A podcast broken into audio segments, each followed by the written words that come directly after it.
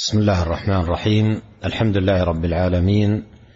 وأشهد أن لا إله إلا الله وحده لا شريك له. وأشهد أن محمدا عبده ورسوله صلى الله وسلم عليه وعلى آله وأصحابه أجمعين. اللهم بارك لنا في جمعنا هذا. اللهم نسألك أن تعمره بالخير والنفع والبركة. وأن تجعله حجة لنا لا علينا. اللهم زينا أجمعين بزينة الإيمان واجعلنا هداة مهتدين.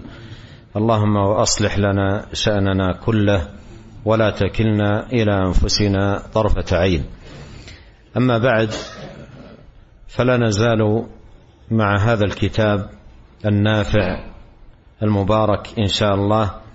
كتاب التوضيح والبيان لشجرة الإيمان للإمام عبد الرحمن بن ناصر السعدي رحمه الله تعالى. ونحن في فصل الكتاب الأخير في فوائد الإيمان وثمراته. والشيخ رحمة الله عليه عدد في هذا الفصل كثيرا من فوائد الإيمان. التي تزيد المؤمن استمساكا بالإيمان وحفاظا عليه لأن هذه الثمار والفوائد للإيمان يزداد نصيب العبد منها بحسب قوة إيمانه فكلما قوي الإيمان قويت الثمار وكلما ضعف الإيمان ضعفت الثمار لأن الإيمان مثله مثل النخلة كما قال الله عز وجل ألم تر كيف ضرب الله مثلا كلمة طيبة كشجرة طيبة؟ أصلها ثابت وفرعها في السماء تؤتي أكلها كل حين بإذن ربها. وأهل النخل عندهم كلمة مشهورة يقولون النخلة على قدر ما تعطيها تعطيك أي من الثمار. والإيمان شأنه كذلك على قدر ما تعطيه من العناية والاهتمام والمحافظة والرعاية للإيمان تفز بثمراته العظيمة وآثاره المباركة وعوائده الحميدة على أهل الإيمان في الدنيا والآخرة.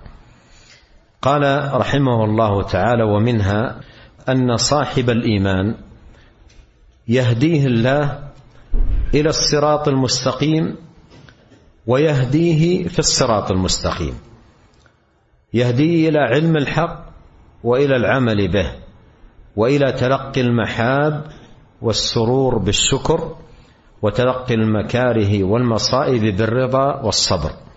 قال الله تعالى إن الذين آمنوا وعملوا الصالحات يهديهم ربهم بإيمانهم. هذا موطن الشاهد لهذه الثمرة من ثمار الإيمان. يهديهم ربهم بإيمانهم. هنا في قوله عز وجل يهديهم حذف أو حذف المتعلق. يهديهم إلى ماذا؟ لم يذكر. ولهذا عدد الشيخ رحمه الله تعالى انواعا من الهدايات. قال يهدي إلى الصراط ويهدي في الصراط ويهدي إلى علم الحق ويهدي إلى العمل بالحق وإلى تلقي المحاب بالشكر والمصائب بالصبر. هذه كلها هدايات الإيمان. يهديهم ربهم إلى ماذا؟ إلى جميع أنواع الهدايات. إلى جميع أنواع الهدايات. مثلها الآية التي سمعناها في صدر قراءة القارئ إن هذا القرآن يهدي للتي أقوم. يهدي إلى ماذا؟ للتي اقوى ماذا يتناول كل الدين. ولهذا الدين كله يدخل في عموم معنى هذه الآية الكريمة. يهدي للتي هي أقوم. فالحاصل أن من ثمار الإيمان العظيمة أنه يهدي صاحبه إلى كل خير. في كل أمر من الأمور. إذا كان مع الشخص الإيمان يهديه إلى المسلك الصحيح. في كل موقف من المواقف إذا حضر الإيمان أو كان الإيمان حاضرا فإنه يهدي صاحبه إلى اقوم طريق وأفضل سبيل. تأمل هنا قول المصنف رحمه الله يهديه الله إلى الصراط ويهديه في الصراط. هاتان هدايتان. هداية إلى الصراط وهداية في الصراط. هذا نوع وهذا نوع. قد يعرف المرء الطريق إلى مكة وأن هذا هو الطريق إلى مكة لكن لا يعرف حيثيات الطريق. فالهداية إلى الشيء أمر والهداية فيه أمر آخر. الهداية إلى الإيمان شيء والهداية في الإيمان شيء آخر. فالهداية إلى الصراط أن يعرف الدين ويعرف مكانته ويعرف فضله. والهداية في الصراط أن يدخل في هذا الدين متعمقا في فضائله وأعماله وآدابه وأخلاقه وغير ذلك. فالإيمان يهدي صاحبه. ولهذا فإن قوة الإيمان في القلب تنمي فيه العمل والطاعة والتقرب إلى الله سبحانه وتعالى. ومن ذلك ما, ذكره رحمه الله بقوله يهدي إلى تلقي المحاب بالشكر والمصائب بالرضا والصبر. كما جمع النبي عليه الصلاة والسلام الأمرين للمؤمن بقوله عجبا لأمر المؤمن إن أمره كله خير. إن أصابته سراء شكر فكان خيرا له. وإن أصابته ضراء صبر فكان خيرا له. هذه من هداية الإيمان. قال عجبا لأمر المؤمن. فالإيمان في سراء المؤمن يهديه لأن هذه النعمة إنما هي من الله منة وفضل. فيسارع إلى حمد الله والثناء عليه والاعتراف بفضله. بخلاف إذا ضعف الإيمان أو ذهب إذا نزلت النعمة بالشخص قال هذه بشطارتي هذه بحذقي هذا بنباهتي هذا بمعرفتي بدروب التجارة ومسالكها. هذا إلى غير ذلك من الكلام. وهذا كله يتناول قول الله عز وجل يعرفون نعمة الله ثم ينكرونها. كل هذه الألفاظ ذكر السلف أنها تدخل في معنى هذه الآية الكريمة. فالمؤمن في النعمة شاكر للمنعم وفي الضراء صابر. لأنه يعرف أن ما أصابه لم يكن ليخطئه. وأن, قد وأن قضاء الله سبحانه وتعالى نافذ ولا بد فما شاء الله كان وما لم يشأ لم يكن. قال وقال الله تعالى ما أصاب من مصيبة إلا بإذن الله ومن يؤمن بالله يهدي قلبه. ومن يؤمن بالله يهدي قلبه. انظر ثمرة الإيمان. يؤمن بالله يهدي قلبه. من ثمار الإيمان هداية القلب. من ثمار الإيمان هداية القلب. والآية الحديث فيها عن المصيبة. الحديث في الآية عن المصيبة. قال بعض السلف هو علقمة بن قيس النخعي رحمه الله قال هو الرجل تصيبه المصيبة فيعلم أنها من عند الله فيرضى ويسلم. هذا معنى قوله ما أصاب من مصيبة إلا بإذن الله ومن يؤمن بالله يهدي قلبه أي من يؤمن بالله حال مصيبته أنها من عند الله وأنها بقضائه وقدره وأن ما قضاه الله وقدره لا بد أن يكون.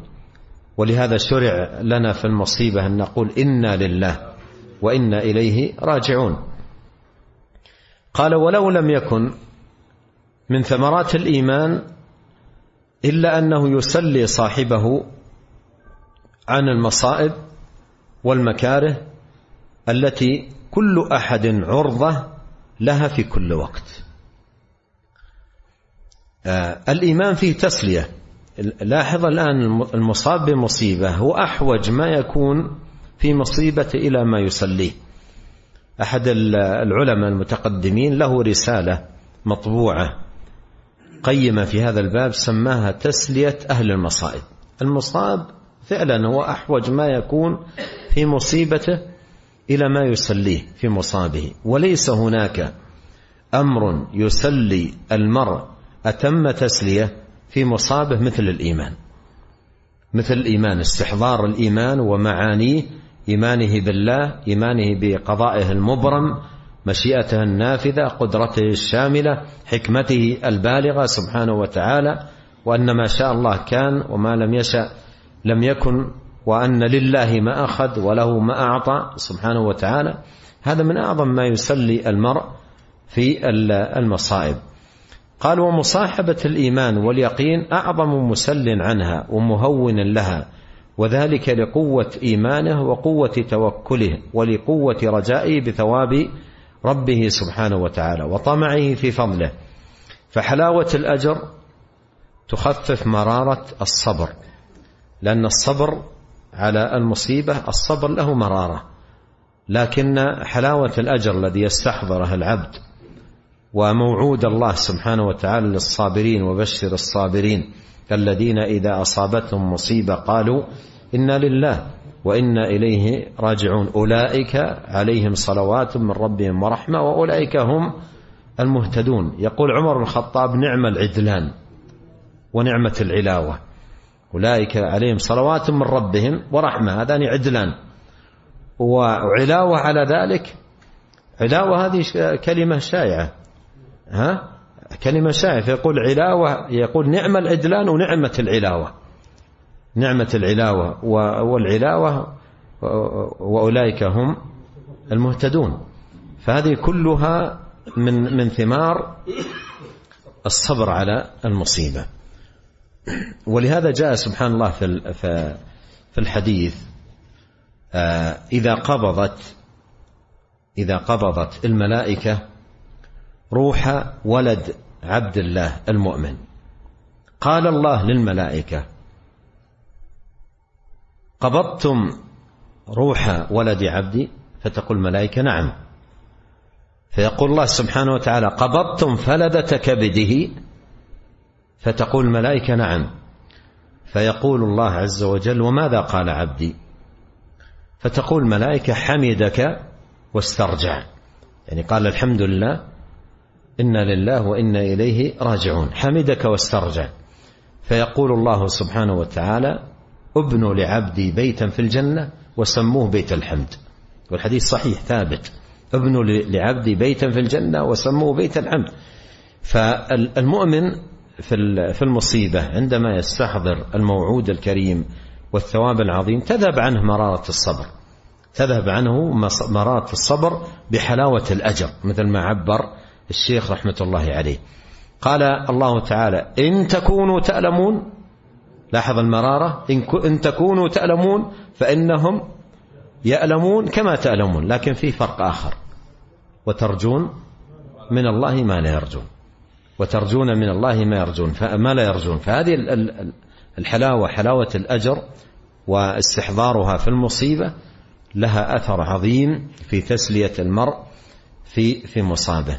انظر هذا المثل الجميل الذي ذكره رحمه الله. قال ولهذا تجد اثنين تصيبهم مصيبة واحدة أو متقاربة مثل يموت هذا ابنه ويموت ابنه. يموت ابن هذا ويموت ابن هذا مثلا. تصيبهم مصيبة واحدة أو متقاربة. وأحدهما عنده إيمان والآخر فاقد له. تجد الفرق العظيم بين حاليهما وتأثيرها أي المصيبة في ظاهرهما وباطنهما. وهذا الفرق راجع إلى الإيمان والعمل بمقتضاه. أي أن من عنده إيمان وعمل بمقتضى, بمقتضى الإيمان. شأنه آخر في المصيبة حمد وشكر ورضا وصبر واحتساب ورجاء الموعود من الله جل وعلا. والآخر شأنه في المصيبة التسخط والجزع وربما لطم الخدود وشق الجيوب والدعاء بدعوى الجاهلية. قال وكما أنه يسلي عند ورود المصائب والمكاره فإنه يسلي عند فقد المحاب. الإنسان أيضا عند فقد المحاب يحزن ويألم فإيمانه يسليه. فإذا فقد المؤمن حبيبه الذي تمكن حبه من قلبه من أهل من أهل وولد ومال وصديق وشبهها تسلى بحلاوة إيمانه والإيمان خير عوض للمؤمن في كل عن كل مفقود كما هو مشاهد ومجرب قال وفقد المحبوب في الحقيقة معدود من المصائب. ولولا أن يعقوب عليه الصلاة والسلام عنده من الإيمان ما يهون عليه مصيبته في فقد يوسف مع شدة حبه العظيم بحيث قال لإخوته لما طلبوا منه بعض يوم أن يذهب معهم ليرتع ويلعب قال إني ليحزنني أن تذهبوا به. فأخبر أن المانع له من إرساله أنه لا يصبر على فراقه. إنه لا يحزنني إني لا يحزنني أن تذهبوا به. لا يصبر على فراقه ولا ساعة من نهار. ولكنهم عالجوه. وذكروا له الأسباب التي توجب له أن يرسله معهم فأرسله ليقضي الله أمرا كان مفعولا. فمن هذه حاله وهذا حبه البليغ الذي لا يمكن المعبر أن يعبر عنه هل يدخل في الذهن أن يبقى هذه المدة الطويلة على الوجود؟ بل يغلب على الظن أن الحب يفتت كبده بأسرع وقت. بل يغلب على الظن أن الحب يفتت كبده بأسرع وقت. هذه الكلمة وقفت عندها وأيضا طلبت من من حقق الكتاب أن يراجع. أنا أقول لعلها ليست الحب الحزن. لأن الكلام عن عن الحزن الذي حل بيعقوب بفقده لولده. قال على الظن يغلب على الظن أن الحب يفتت كبده بأسرع وقت ولكن قوة الإيمان وقوة الرجاء بالله أوجب له أن يتماسك كل هذه المدة يعني مع طولها حتى جاء الله بالفرج الذي وعد به المؤمنون. قال وكذلك أم موسى حين ذهب اليم بموسى وأصبح فؤادها فارغا من كل شيء إلا من الحزن على موسى. لولا أن الله ربط على قلبها بالإيمان وعلمت أن وعد الله حق لكادت تبدي بما في قلبها وتصرخ بمصيبتها ولكن هو الإيمان المثبت عند الشدائد المسلي عند المصائب المقوي إذا وهنت القوى المعزي إذا عز العزا. قال رحمه الله وقال النبي صلى الله عليه وسلم في وصيته العظيمة في حديث ابن عباس رضي الله عنهما الصحيح الذي في السنن تعرف إلى الله في الرخاء يعرفك في الشدة. أي تعرف إلى الله بالإيمان وأعمال الإيمان وأنت صحيح شحيح قوي يعرفك الله في الشدة يقويك على مباشرته ويعينك على معالجته وأعظم شدة تنزل بالمؤمن شدة الموت وسكراته. وهذه أيضا لفتة مهمة ينبه عليها رحمه الله تعالى وهي أن المؤمن ينبغي عليه في رخائه وسرائه وصحته وعافيته أن يتعرف إلى الله.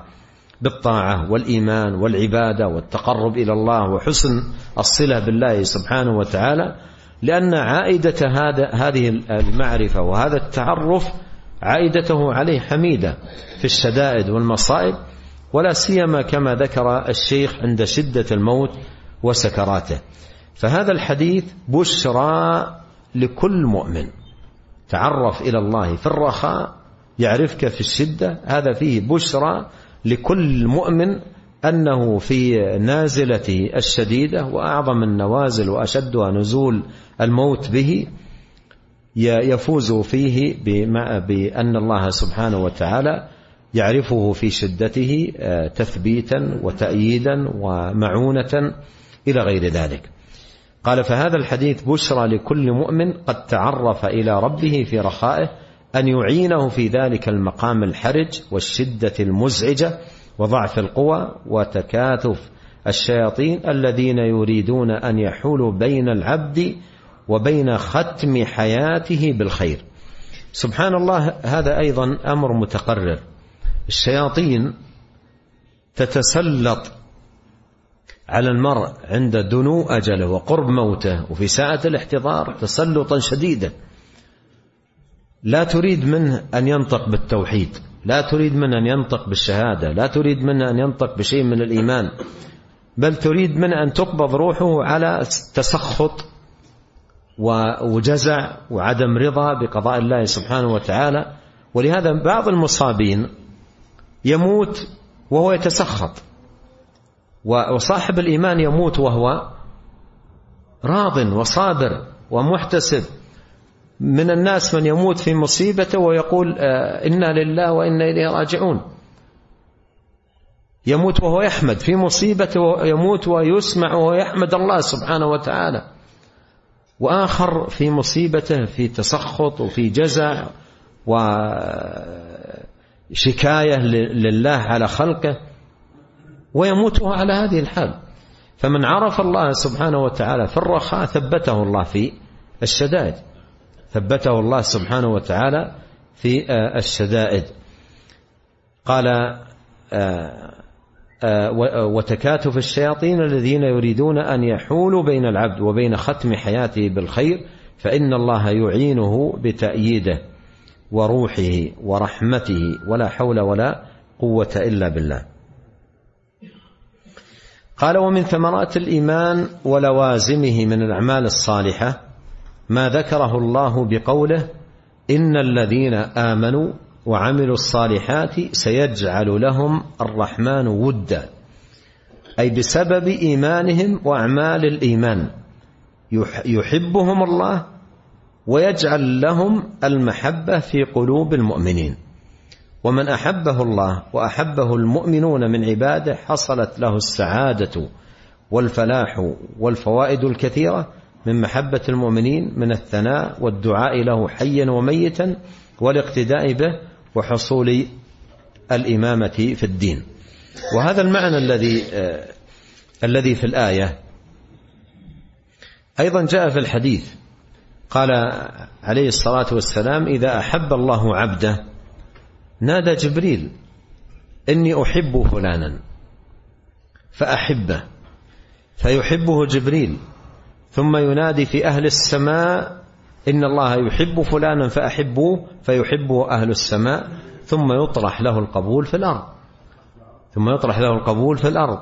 فهذه من ثمار الإيمان ولوازم الإيمان أن الله عز وجل يجعل للمؤمن محبة في قلوب عباده المؤمنين. محبة في قلوب عباده المؤمنين وأوليائه المتقين يحبونه.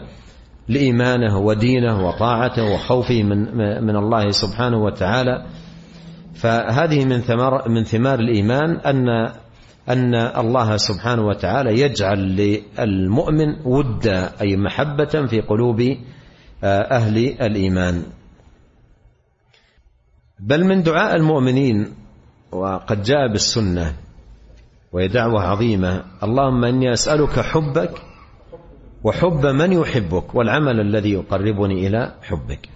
قال وهذه أيضا من أجل ثمرات الإيمان أن يجعل الله للمؤمنين الذين كملوا ايمانهم بالعلم والعمل لسان صدق ويجعل ويجعلهم أئمة يهدون بأمره. كما قال الله تعالى وجعلنا منهم أئمة يهدون بأمرنا لما صبروا وكانوا بآياتنا يوقنون. قال فبالصبر واليقين اللذين هما رأس الإيمان ورأس الإيمان وكماله نالوا الإمامة في الدين. نالوا الإمامة في الدين. بالصبر واليقين كما قال الله لما صبروا وكانوا بآياتنا يوقنون. لما صبروا وكانوا بآياتنا يوقنون. والآية جمعت أربعة أوصاف لا يكون المرء إماما في الدين إلا إذا اجتمعت فيه. إلا إذا اجتمعت فيه. الصفة الأولى في قوله يهدون أي دعاة حق وهدى. والصفة الثانية قوله بأمرنا أي أن هدايتهم ودعوتهم ببصيرة وعلم. ولهذا جاء في الحديث من عمل عمل ليس عليه أمرنا فهو رد. فهم هدايتهم أي دعوتهم إلى الناس هي بأمر بأمر الله أي بهدايات الكتاب والسنة. والثالثة والرابعة الصبر واليقين. فهذه صفات الأئمة في في الدين جمعت في هذه الآية الكريمة. ولسان الصدق الذي أشار إليه واجعل لي لسان صدق في الآخرين. لسان الصدق الذكر الحسن الذكر الطيب. فلا يذكر إلا بالجميل لا يذكر إلا إلا بالخير. يبقى ذكره في العالمين أجيالا بعد أجيال أمما بعد أمم. يموت ولكن ذكره لا يموت. ذكره يبقى في الناس لسان صدق في ثناء عليه وذكر لفضائله ومناقبه ومحاسنه سبحان الله بعض المتقدمين بل كثير من المتقدمين من الصحابة والتابعين ألفت كتب مفردة في مناقبهم ذكرهم الحسن. تجد كتب مفردة مناقب فلان. أفردت مناقب لهم في مجلدات بعضهم في مجلدات فعلا. تعدد المناقب والفضائل تبقى ذكر في العالمين. بخلاف اعداء الدين أعداء الدين شأنهم كما قال الله في آخر سورة الكوثر إن شانئك هو الأبتر أي الأقطع. لا يذكر في عبر التاريخ إلا بالسوء. إن ذكر لا يذكر لكن إن ذكر لا يذكر إلا بالسوء. فشتان بين هؤلاء وهؤلاء. قال ومنها قول الله قول الله تعالى يرفع الله الذين آمنوا منكم والذين أوتوا العلم درجات أي أن من ثمار الإيمان أنه من موجبات الرفعة وعلو المنازل في الدنيا والآخرة.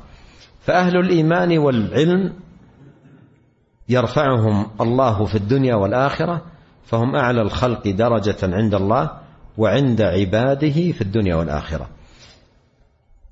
وإنما نالوا هذه الرفعة بإيمانهم الصحيح وعلمهم ويقينهم والعلم واليقين من أصول الإيمان لأن الإيمان يقوم على العلم وعلى اليقين. كما قال الله سبحانه وتعالى إنما المؤمنون الذين آمنوا بالله ورسوله ثم لم يرتابوا لم يرتابوا أي أيقنوا ولم يشكوا.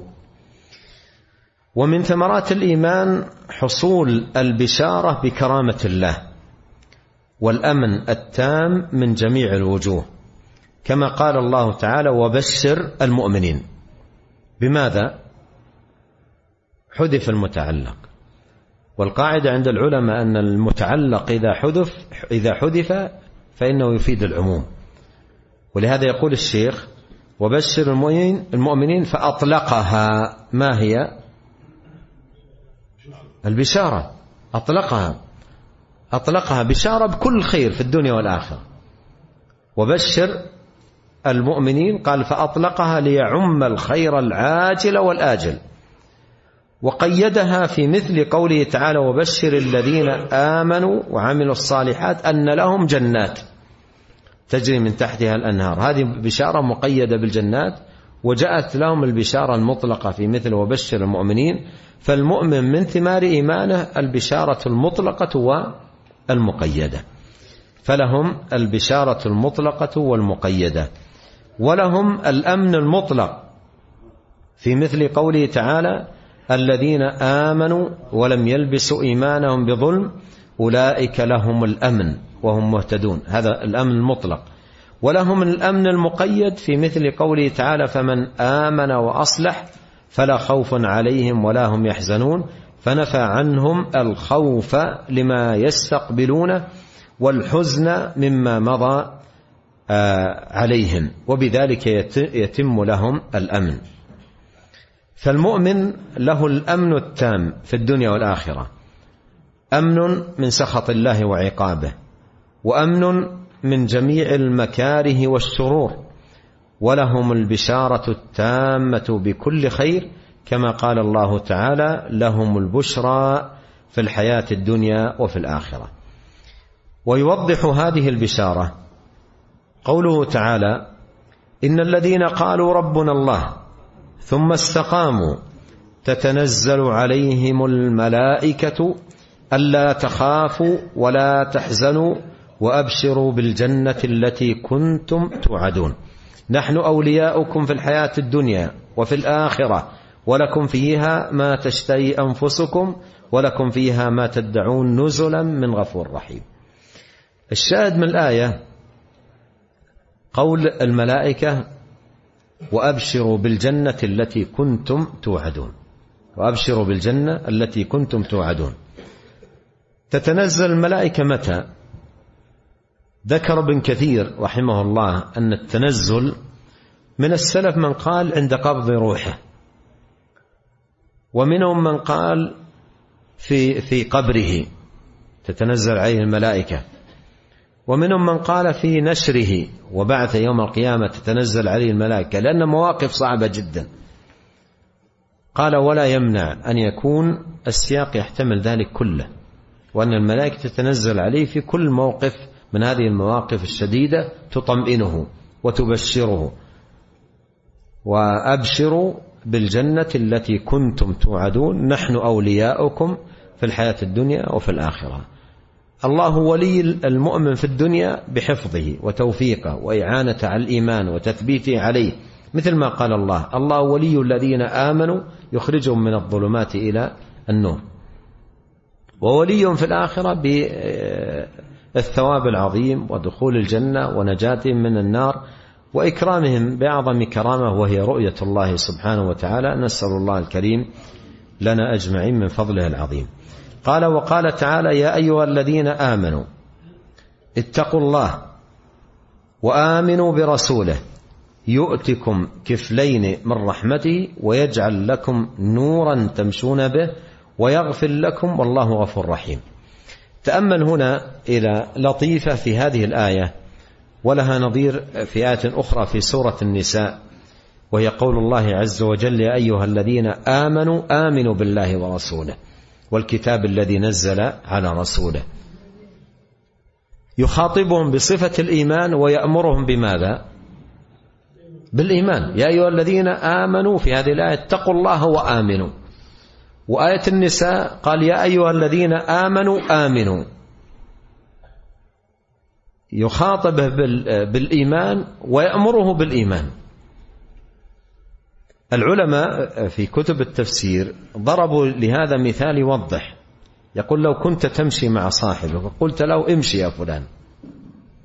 أو تأكل أنت وياه وهو يأكل قلت كل يا فلان.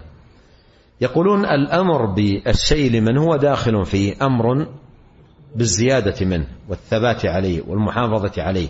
فأمر المؤمن بالإيمان أمر له بالمحافظة على إيمانه والزيادة من إيمانه والتقوية للإيمان. ولهذا العلماء عدوا هذه الآية من جملة الأدلة على أن الإيمان يزيد بدليل أن الله أمر المؤمن بالإيمان.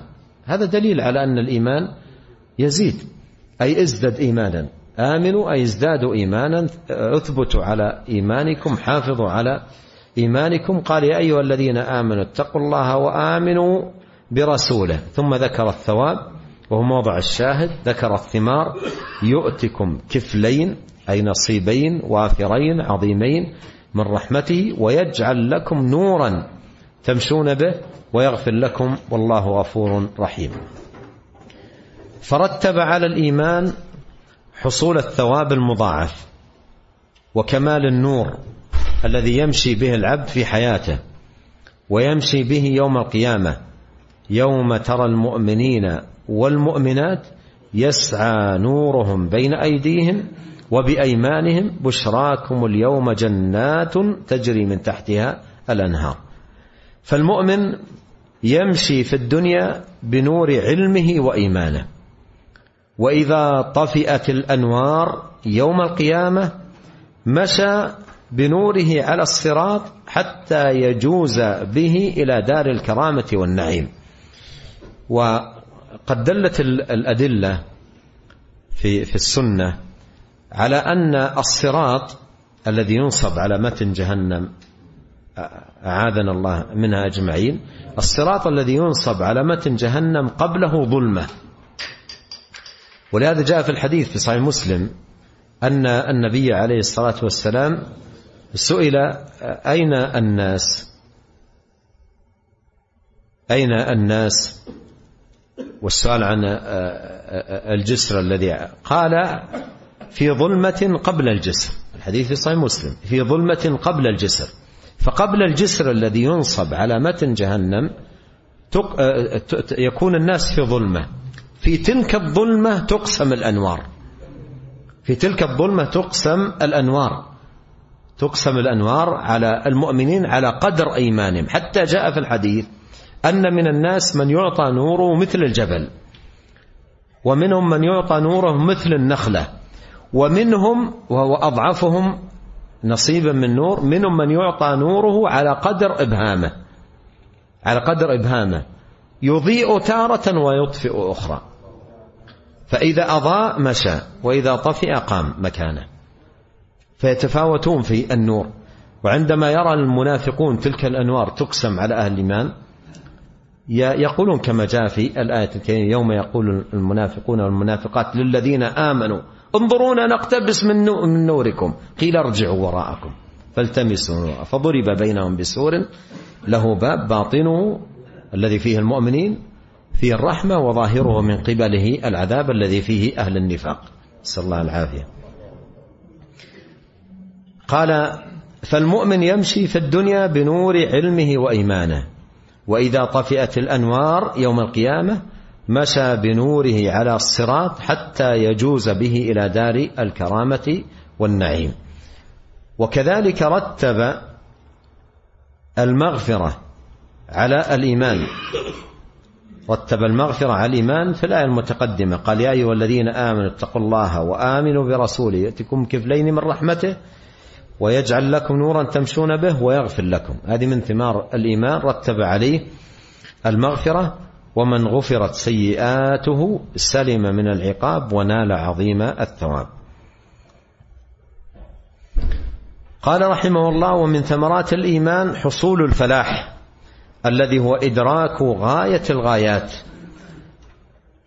فإن فإنه إدراك كل مطلوب الفلاح فسره العلماء بأنه حيازة الخير في الدنيا والآخرة. ونفس التفسير الذي ذكره الشيخ إدراك غاية الغايات. فإنه إدراك كل مطلوب والسلامة من كل مرهوب. والهدى الذي هو أشرف الوسائل كما قال تعالى بعد ذكره المؤمنين بما أنزل على محمد صلى الله عليه وسلم وما أنزل على من قبل من قبله والإيمان بالغيب وإقامة الصلاة وإيتاء الزكاة اللتين هما من أعظم آثار الإيمان قال أولئك على هدى من ربهم وأولئك هم المفلحون في أول سورة البقرة. فهذا هو الهدى التام والفلاح الكامل. فمن ثمار الإيمان أنه يفوز صاحبه بالهدى التام آه، الذين آمنوا ولم يلبسوا إيمانهم بظلم أولئك لهم الأمن وهم مهتدون. فلا سبيل إلى الهدى والفلاح اللذين لا صلاح ولا سعادة إلا بهما إلا بالإيمان التام بكل كتاب أنزله الله وبكل رسول أرسله الله.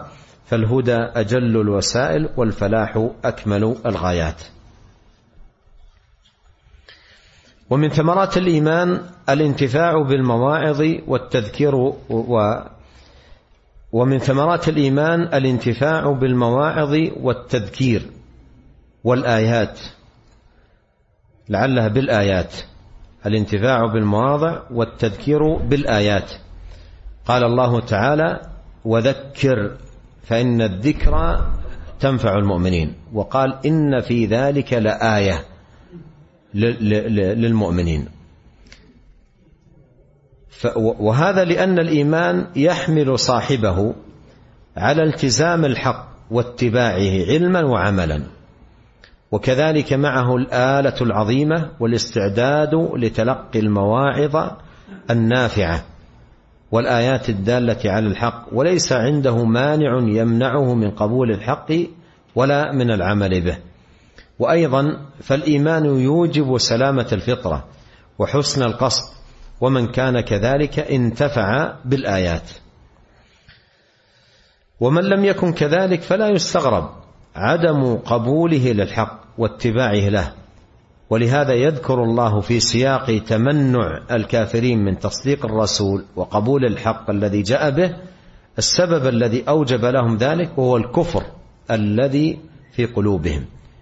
يعني لأن الحق واضح وآياته بينة واضحة والكفر أعظم مانع يمنع من اتباعه. أي فلا تستغربوا هذه الحال فإنها لم تزل دأب كل كافر. ومنها أي ثمار الإيمان أن الإيمان يحمل صاحبه على الشكر في حالة السراء والصبر في حالة الضراء وكسب الخير في كل الأوقات. كما ثبت في الصحيح عن النبي صلى الله عليه وسلم أنه قال عجبا لأمر المؤمن إن أمره كله خير. إن أصابته سراء شكر فكان خيرا له. وإن أصابته ضراء صبر فكان خيرا له وليس ذلك لأحد إلا للمؤمن. فالمؤمن شاكر في سرائه وصابر في ضرائه.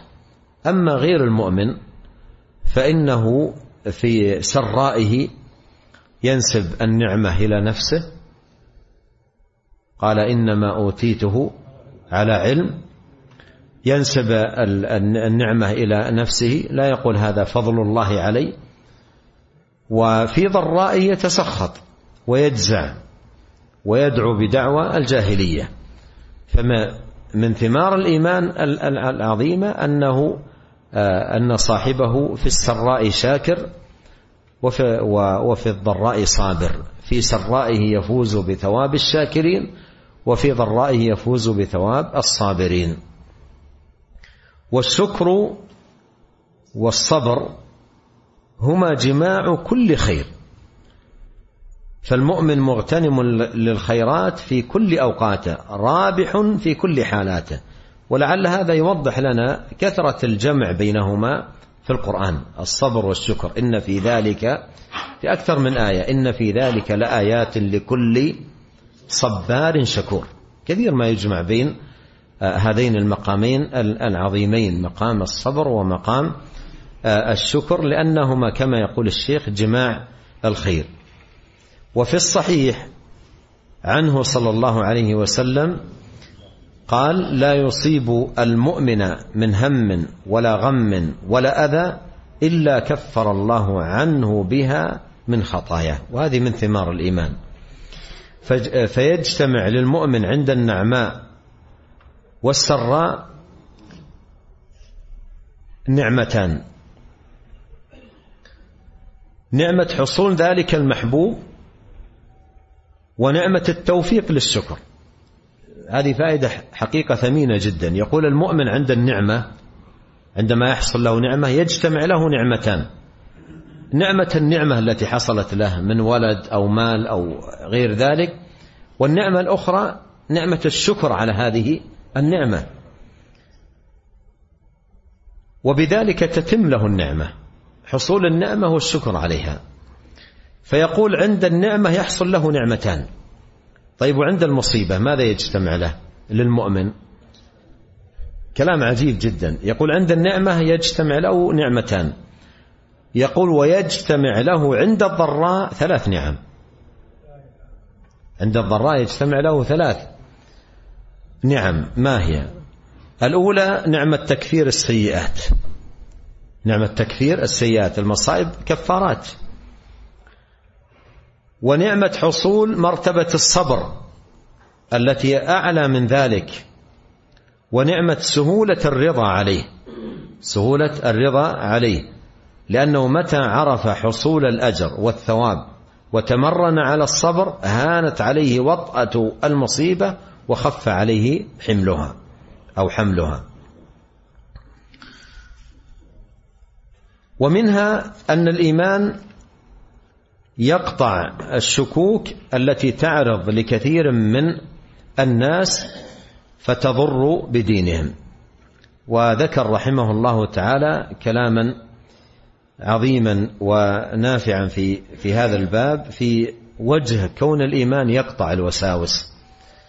والوساوس أهلكت كثيرا من الناس وأضرت بهم مضرة عظيمة ولعلنا نكتفي هذا القدر ونسأل الله الكريم رب العرش العظيم بأسماء الحسنى وصفاته العليا وبأنه الله الذي لا إله إلا هو أن ينفعنا أجمعين بما علمنا وأن يزيدنا إيمانا وهدى وتوفيقا وصلاحا.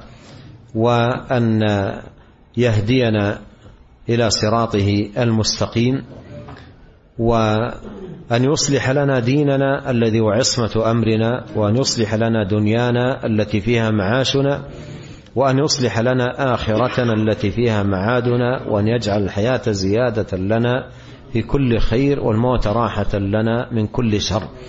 اللهم اغفر لنا ذنبنا كله دقه وجله أوله وآخره علانيته وسره. اللهم اغفر لنا ما قدمنا وما أخرنا وما أسررنا وما أعلنا وما أنت أعلم به منا أنت المقدم وأنت المؤخر لا إله إلا أنت. اللهم اغفر لنا ولوالدينا ووالديهم وذرياتهم وللمسلمين والمسلمات والمؤمنين والمؤمنات الأحياء منهم والأموات. اللهم اقسم لنا من خشيتك ما يحول بيننا وبين معاصيك ومن طاعتك ما تبلغنا به جنتك ومن اليقين ما تهون به علينا مصائب الدنيا. اللهم متعنا بأسماعنا وأبصارنا وقوتنا ما أحييتنا واجعله الوارث منا واجعل ثأرنا على من ظلمنا وانصرنا على من عادانا. ولا تجعل مصيبتنا في ديننا ولا تجعل الدنيا أكبر همنا. ولا مبلغ علمنا ولا تسلط علينا من لا يرحمنا. اللهم إنا نسألك موجبات رحمتك وعزائم مغفرتك ونسألك شكر نعمتك وحسن عبادتك ونسألك قلبا سليما ولسانا صادقا ونسألك من خير ما تعلم ونعوذ بك من شر ما تعلم ونستغفرك لما تعلم إنك أنت علام الغيوب. اللهم آت نفوسنا تقواها وزكها أنت خير من زكاها أنت وليها ومولاها. اللهم إنا نسألك من الخير كله عاجله وآجله ما علمنا منه وما لم نعلم ونعوذ بك من الشر كله عاجله وآجله ما علمنا منه وما لم نعلم. اللهم إنا نسألك الجنة وما قرب إليها من قول أو عمل ونعوذ بك من النار وما قرب إليها من قول أو عمل. اللهم إنا نسألك من خير ما سألك منه عبدك ورسولك محمد صلى الله عليه وسلم. ونعوذ بك من شر ما استعاذك منه عبدك ورسولك محمد صلى الله عليه وسلم. وأن تجعل كل قضاء قضيته لنا خيرا يا رب العالمين. اللهم أصلح لنا ديننا الذي هو عصمة أمرنا وأصلح لنا دنيانا التي فيها معاشنا وأصلح لنا آخرتنا التي فيها معادنا واجعل الحياة زيادة لنا في كل خير والموت راحة لنا من كل شر. اللهم علمنا ما ينفعنا وانفعنا بما علمتنا واجعل ما نتعلمه حجة لنا. لا علينا يا رب العالمين. سبحانك اللهم وبحمدك. أشهد أن لا إله إلا أنت أستغفرك وأتوب إليك. اللهم صل وسلم على عبدك ورسولك نبينا محمد وآله وصحبه أجمعين.